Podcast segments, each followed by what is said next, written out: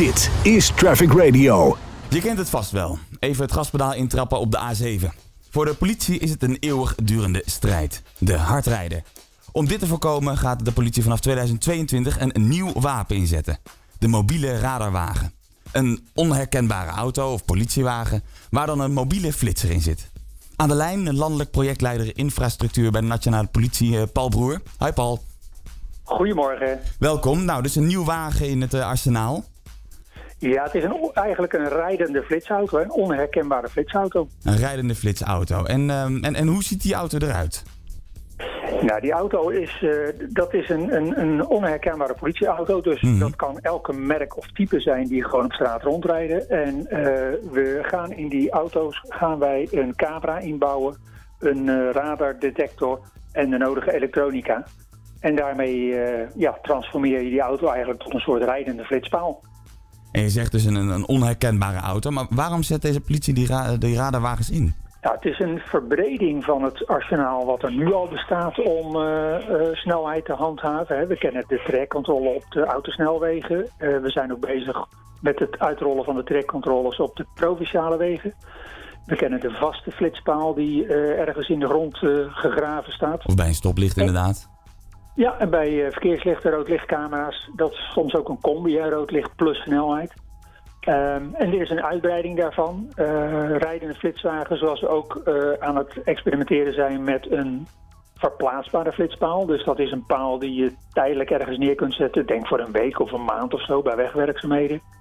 Ehm, en nu deze auto dan. Dus het is een verbreding van de mogelijkheden die we nu al hebben. En en een verbreding, zeg geef je zelf aan. Maar is dit niet ook een wapen ja, in de strijd tegen bijvoorbeeld apps als Flitsmeister of Waze? Die, eh, die heel snel en heel accuraat eh, alle flits, flitsmomenten en dingen eh, verraden eigenlijk? Ja, nee, ja, dat hoor ik vaker. Nee, dat is het zeer zeker niet. Sterker nog, dit soort nou ja, middelen en apps en mogelijkheden die u noemt, daar zijn we eigenlijk feitelijk van onszelf wel blij mee. Want het helpt ons namelijk in de doelstelling, namelijk het verlagen van de snelheid. Ehm, kijk, het is een misverstand om te denken dat wij alleen maar bezig zijn met het binnenhalen van geld. Daar gaat het niet om. Het gaat om het terugdringen van de snelheid in het belang van verkeersveiligheid. En wat we zien is wanneer we ergens een radarpost opbouwen langs bijvoorbeeld een autosnelweg en dit wordt gemeld door Flitsmeister, zien we dat de snelheid daar weliswaar voor een deel terugloopt. Overigens ook niet zo gek bijzonder, daar hebben we onderzoek naar gedaan. Uh, maar in dat opzicht uh, ja, is het zo dat uh, Flitsmeister en dat soort apps voor ons min of meer gratis reclame is en samen met ons meehelpt aan de doelstelling, namelijk het verlagen van de snelheid. Dus Alleen is, misschien vanuit een andere invalshoek. Dat zij het doen om nou ja, te zorgen dat hun luisteraars geen bekeuring oplopen. En voor ons is het doel feitelijk enerzijds ook hetzelfde. Maar primaire doel is natuurlijk het verlagen van de snelheid voor de verkeersveiligheid. dus het is misschien niet helemaal in de gedachte om het te doen, maar alsnog uh, doen ze het wel. Nou ja, weet je, ik doe prima wat zij willen. Ik bedoel, het, het, is echt niet zo dat wij het vervelend vinden als, uh, als iemand verraadt waar wij staan. Want ja, nogmaals, het effect van wat zij doen is exact datgene wat wij willen, namelijk het verlagen van die maximumsnelheid. Dus uh, geen last van de, van de flits-apps. Waar, waar, kunnen we die radarwagens tegenkomen? Die radarwagens kunnen we in feite door het hele land tegenkomen straks. Uh, in ieder geval op de autosnelwegen, uh, provinciale wegen, de langere doorgaande wegen. Uh, maar we kunnen ze natuurlijk ook, en dat is ook weer een voordeel, we kunnen ze natuurlijk ook ergens gewoon geparkeerd neerzetten en dan voor een tijdelijkheid ja, als een soort geparkeerde flitspaal ergens gebruiken. Dus dan kun je ze ook in een meer stedelijk gebied nog een keer benutten. Ja, precies. Dus ze kunnen echt alle kanten op. Ja. En, en uh, het, het, ja, het geeft mij wel een beetje het gevoel alsof het niet, niet alleen voor die echte hardrijder is, maar ook voor degene die 4, 5 kilometer te hard over de A1 tuft. Is, nee, is dat daar zo? zijn Of? ze niet voor bedoeld. Al was het alleen maar omdat je natuurlijk uh, bij het meten van uh, snelheid ook nog te maken hebt met een bepaalde meetmarge. Die overigens voor dit soort voertuigen nog moet worden vastgesteld. Maar uh, het gaat echt om, om nou ja, echt betekenisvolle, belangrijke snelheidsovertreders. Vanuit het principe, vanuit de, de wetenschap, dat snelheid nog steeds samen met het gebruik van alcohol en drugs in het verkeer, samen met afleidingen, het in je hand hebben van je telefoontje, dat snelheid nog steeds de grootste veroorzaker is van verkeersongevallen. Dus het is ook gewoon heel gevaarlijk om te hard te rijden? Ja, uh, uh, niet alleen te hard rijden, maar ook sowieso het snelheidsverschil is vaak natuurlijk een bron van, uh, van ongevallen. Hè? Dus de ene rijdt excessief veel harder dan een andere en vervolgens is er iemand die gaat inhalen. En nou, weet je wat dat? dus het doel is voor ons te alle tijden verkeersveiligheid. Oké, dus, dus die zachtrijders, de, of tenminste de, de net niet echt hardrijders, die zullen er niet, niet heel hard door geraakt worden?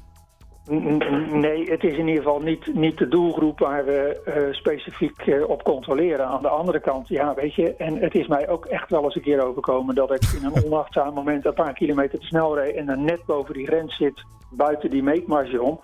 Ja, weet je, dat is dan ook maar zoals het is. Oké, en dan eventjes over die, eh, over die, die radarwagen. Want er zit dus een camera in, dat zei u net zelf ook al. Maar hoe werkt dat dan precies? Nou, hoe het werkt is dat die auto met een bepaalde snelheid, een, een, een, een relatieve steady snelheid, een, een blijvende snelheid uh, over de weg rijdt. De radarwagen dan? Gerelateerd aan de maximumsnelheid die je te plaatsen mag rijden. Dus die radarwagen die rijdt zo hard bedoelt u? Ja, die rijdt bijvoorbeeld, daar, daar, waar je 80 mag, rijdt die auto bijvoorbeeld 80 op de cruise control. Ik, ik verzin hem even nu te plekken, maar zo is het ongeveer hoe het werkt. Mm En elke auto die deze rijdende eh, radarauto vervolgens met te hoge snelheid inhaalt, die wordt geflitst. Maar hij kan ook tegemoetkomend verkeer flitsen, mits daar geen vangrail tussen zit of een hoge betonnen barrier. Hij moet er natuurlijk overheen kunnen kijken, zeg maar.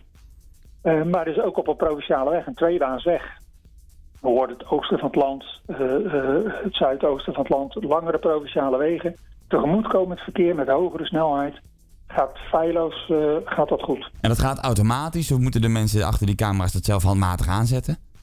Nee, dat gaat automatisch. Uh, op het moment dat het voertuig gaat rijden, dan moet op dat moment moet, uh, het voertuig zich even eiken en, en instellen zeg maar, op de apparatuur. Mm -hmm. En op het moment dat dat ingesteld is, en dat is uiteraard allemaal met waarborgen omgeven en, en gecertificeerd enzovoort enzovoort, dan gaat dat voor de rest automatisch. Dus met andere woorden, het voertuig meet, net als nu ook al bij een radarcontrole gebeurt, de snelheid. En als die hoger ligt dan de ingestelde drempelwaarde, ja, dan maakt hij een foto van uh, de overtreding waarop uh, tijdstip, kenteken enzovoorts alles zichtbaar is. Hetzelfde als bij een nu al bestaande overtreding. Ja, die, zijn, die auto's zijn dus beschikbaar vanaf 2022. Maar uh, rijden die al rond of, of is er al een pilot mee bezig?